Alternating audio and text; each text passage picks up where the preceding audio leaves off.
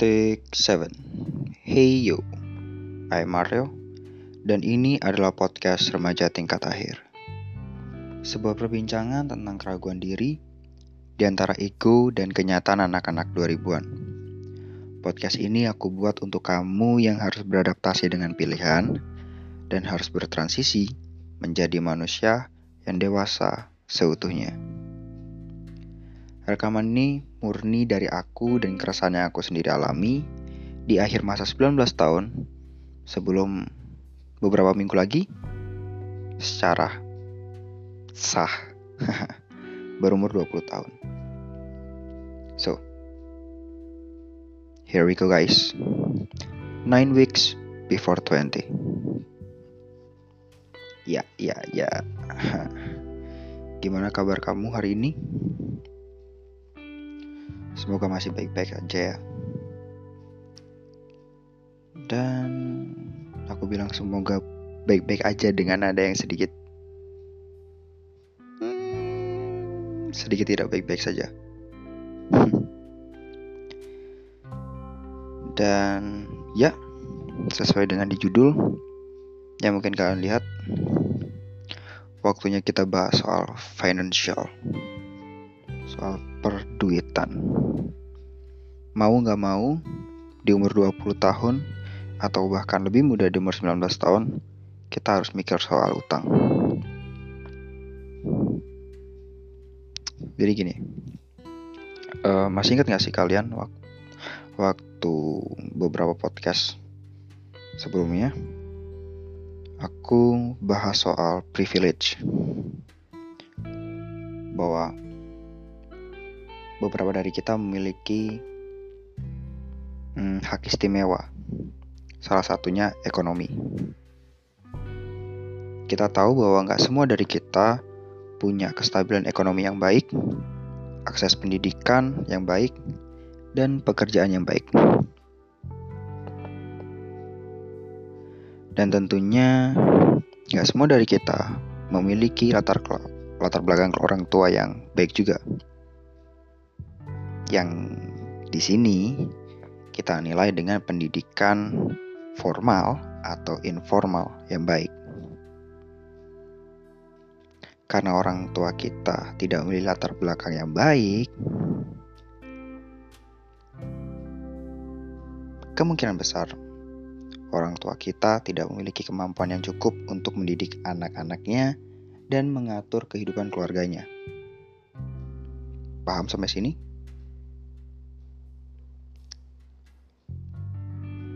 I hope you get the point. Ada banyak sebenarnya aspek dalam keluarga yang yang luas banget yang kalau dibahas satu-satu nggak akan pernah selesai. Tapi untuk kali ini kita kecilin lagi yang mau aku bahas adalah soal masalah ekonomi. Masalah ekonomi financial problem.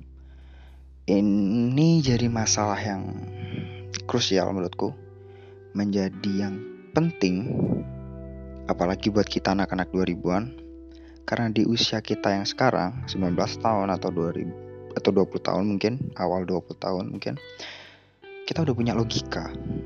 Kita gitu kita maksudku maksudku gini kita udah bisa logis gitu kita bisa mulai berpikir. Kita udah punya ego kita udah punya rasa uh, keinginan. Dan kita udah punya rasa peduli ke orang lain khususnya di konteks ini keluarga ya.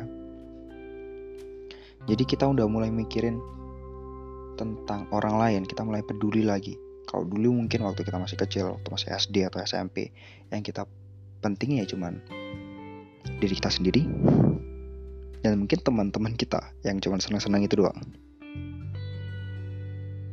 kita nggak mau tahu, pokoknya setiap akhir semester orang tua harus bayar uang bulanan. Kita nggak mau tahu setiap hari kita sekolah harus ada uang saku. Tapi di umur kita sekarang, kita udah mulai berpikir, kita mulai udah logis. Gimana caranya orang tua aku bisa dapat uang segini segini segini untuk bayar uang kuliah, untuk bayar uang kuliahku, atau untuk bisa menghidupi aku yang mungkin belum bekerja buat teman-teman yang mungkin belum kerja atau teman-teman yang masih udah kerja cuman gajinya masih cuman cukup untuk menghidupi kehidupan kalian sendiri. Nah balik lagi ke topik utama yaitu financial problem di keluarga. Jadi gini jelas kita semua tahu kalau masalah dari maksud gini masalah utama dari masalah keuangan di dalam suatu keluarga adalah hutang. Setuju nggak? Hutang nggak akan ada kalau pemasukan kita gede banget. Hutang nggak bakal ada kalau pengeluaran kita nggak gede banget hutang nggak akan pernah ada kalau pemasukan kita dan pengeluaran kita itu seimbang.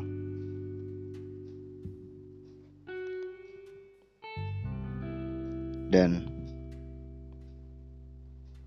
utang ini dari sudut pandangku, silakan jika teman-teman mau berspekulasi dengan sendiri ya. Bebas. Kalau versiku, utang itu berawal dari ketidakmampu ketidakmampuan suatu keluarga dalam mengatur keuangan rumah tangganya. Kebutuhan yang tidak sesuai, gaya hidup yang mungkin berlebihan dan gak, gak, sesuai dengan pemasukan, itu adalah dasar-dasar, itu adalah awal-awal munculnya hutang dalam suatu keluarga. Dan kita nggak bisa pungkiri bahwa ketidakmampuan untuk mengatur keuangan ini berawal dari kurangnya pengetahuan orang tua kita sebagai manajemen keluarga dalam mengolah keuangan. Kita nggak kita uh, teman-teman bisa bisa samain persepsi dulu. Yang aku maksud pengetahuan di sini bukan hanya soal berpendidikan, harus sekolah, harus kuliah, harus S1, S2 dan sebagainya. Enggak. Yang aku maksud di sini adalah berpengetahuan mereka tahu bagaimana cara mengolah uang, mereka tahu bagaimana cara mendidik, bagaimana cara mereka memanage keluarga. Nah, yang jadi masalah adalah fakta di mana ketika suatu keluarga mulai berhutang, hutang bukan lagi bagian dari rencana cadangan. Paham nggak? Jadi ketika kita udah mulai berhutang untuk pertama kalinya, untuk untuk beberapa waktu selanjutnya, hutang bukan lagi bagian dari rencana cadangan, tapi sudah jadi gaya hidup setiap kali pemasukan keluarga nanti tidak mencukupi, setiap kali kita ada kebutuhan mendadak dan kita nggak punya duit untuk membayar itu semua, ya pilihannya cuma satu, hutang. Dan itu terus. Nah, kenapa sih kita perlu bahas ini sekarang? Kenapa anak-anak 2000-an yang sekarang mungkin lagi senang-senangnya lagi main ke klub lagi. Sering-sering buang-buang duit. Kenapa kita harus bahas ini? Jawabannya gampang menurutku. Karena kita aku kamu kalian teman-teman siapa pun yang dengar podcast ini kita juga penikmat hutang kita menikmati uang, kita menikmati barang, kita menikmati materi dalam bentuk apa pun yang didapatkan dari hutang. Kita menikmati rumah hasil KPR, itu hutang. Kita menikmati mobil atau motor kreditan, itu hutang. Banyak hal yang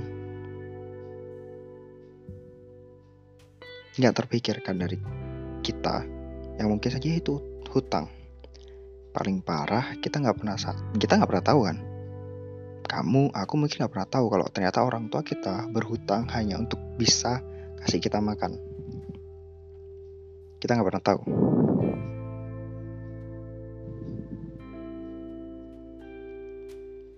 Jadi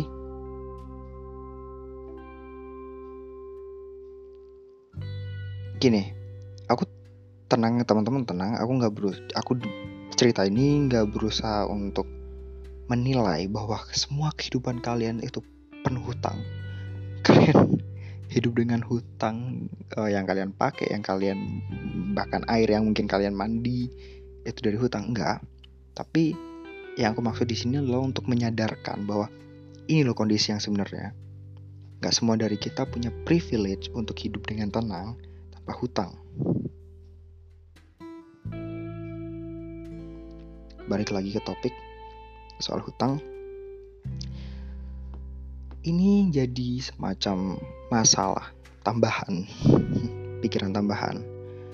Terlebih buat teman-teman atau kamu yang mungkin saat ini harus kuliah, ditambah lagi kalian kuliah di luar kota yang cukup banyak membutuhkan biaya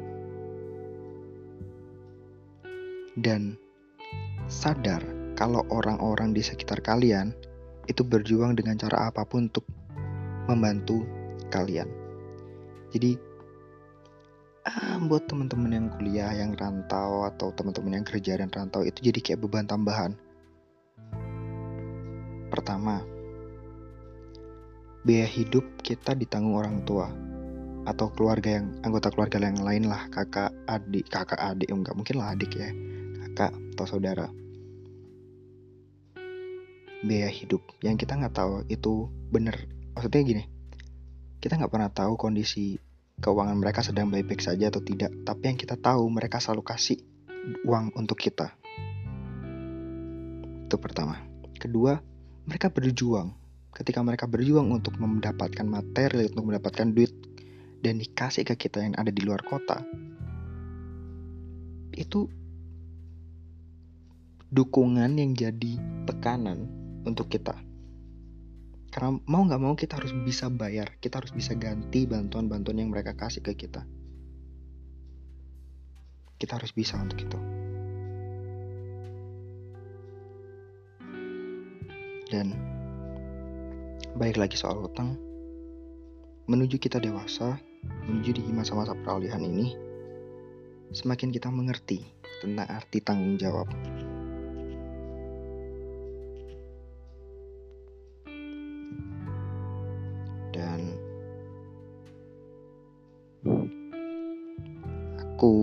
Rasa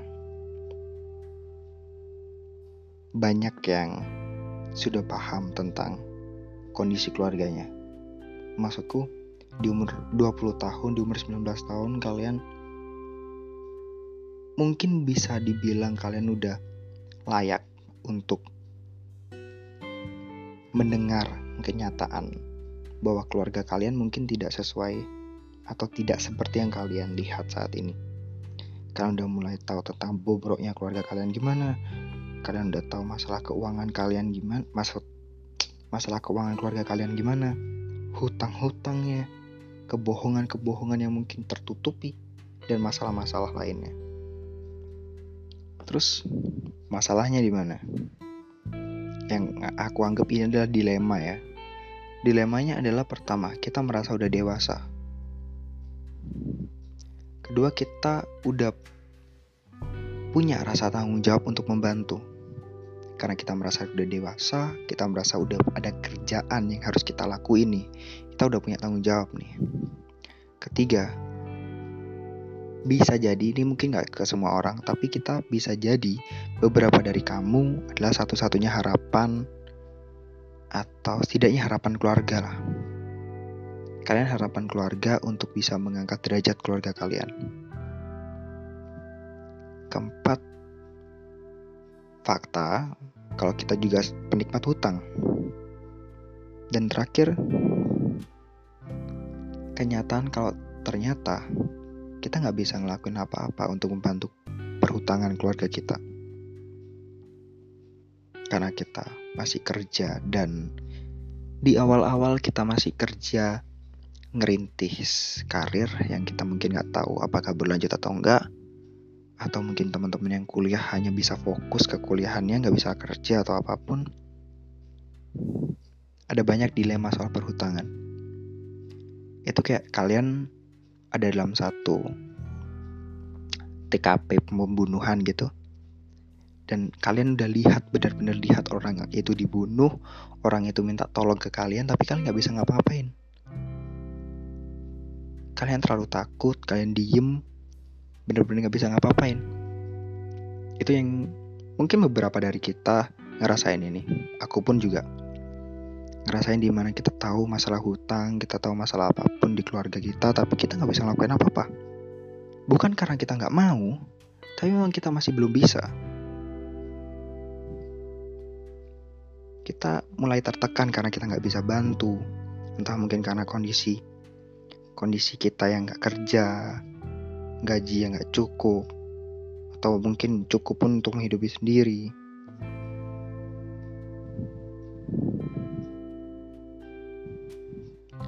Ya, mungkin memang belum tentu benar sih. Maksudku memang memang itu bukan kewajiban kita untuk melunasi perhutangan, untuk membantu perekonomian.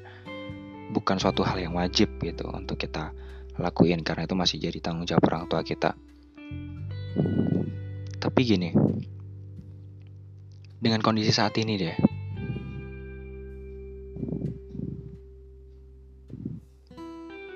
kondisi pandemi kayak gini, nggak semua orang tua kita, nggak semua dari kamu mungkin yang sekarang kerja itu aman-aman aja gitu loh.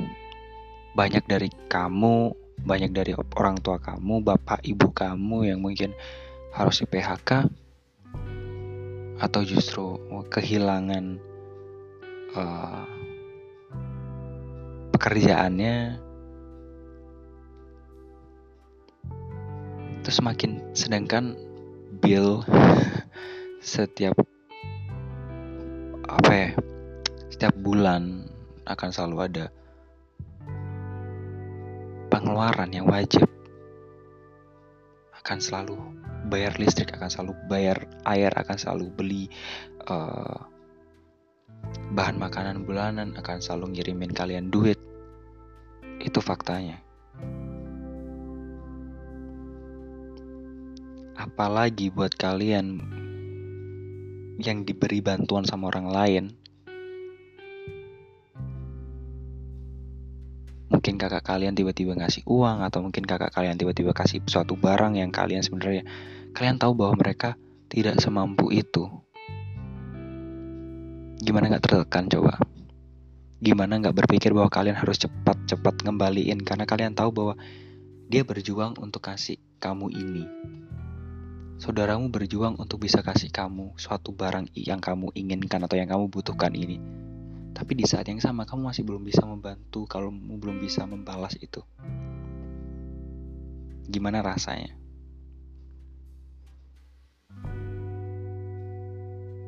Di masa ini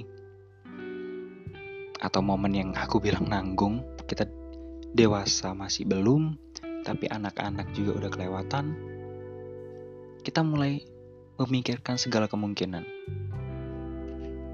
Salah satunya soal masalah keuangan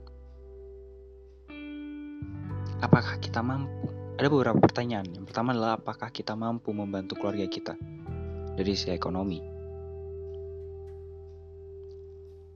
Apakah yang kita kerjakan nanti atau apakah yang kita kerjakan sekarang nih akan cukup untuk memenuhi kebutuhan keluarga kita?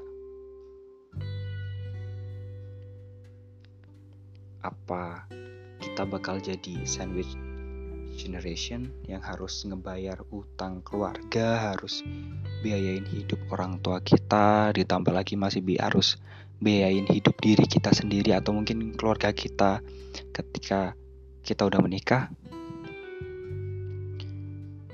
Dan terakhir, gimana soal bantuan dari orang-orang yang harus kita balas itu, harus kita balas uh, bantuan dari mereka terlepas mereka mau atau tidak mereka butuh atau tidak mereka minta atau tidak tapi mau nggak mau kita selalu mikir bahwa kita harus balas bantuan dari mereka. Kita selalu menganggap bahwa pemberian mereka adalah hutang.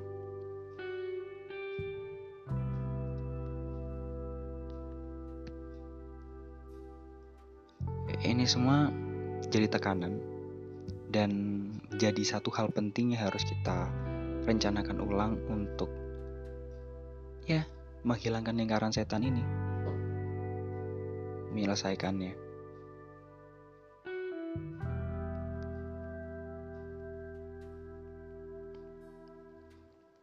Jadi utang tetap utang.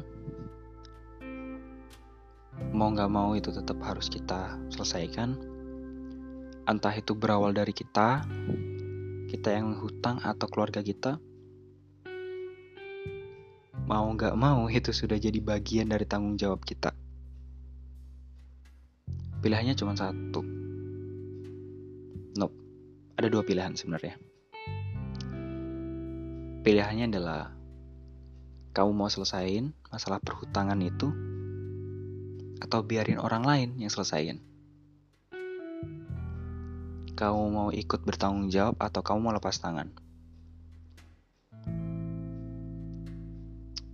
Ada resiko pasti, tapi ada yang enak juga.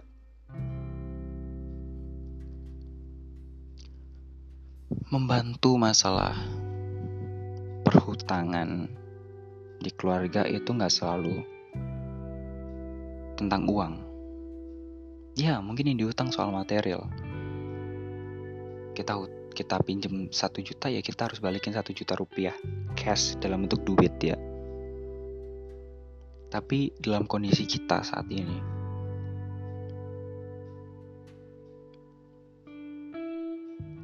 kita mungkin memang nggak bisa bantu secara material tapi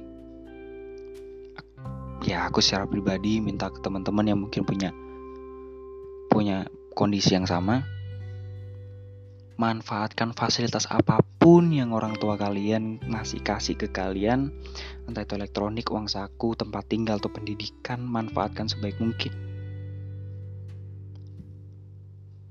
manfaatkan sebaik mungkin biar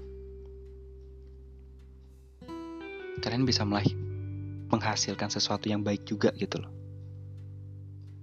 Dan gini deh, kalau memang belum bisa bantu, apa sih susahnya dengan hidup baik-baik saja gitu? Apa sih kalau memang kalian belum bisa bantu, ya setidaknya nggak usah menyusahkan, setidaknya ambil tanggung jawabmu sendiri atas hidupmu sendiri. Dan sorry Sepertinya pembahasannya sedikit luas, terlalu lompat-lompat, itu aja. Seperti biasa, podcast ini nggak dibuat untuk memberikan sebuah jawaban, tapi membuka pandangan dari sudut yang lain dan aku buat podcast ini tidak berusaha untuk mempengaruhi pilihan kalian. Semua dari tangan kalian, keputusan baik atau buruk itu dari kalian. That's it. Semoga kalian tetap baik-baik aja. Sampai ketemu lagi. Bye bye.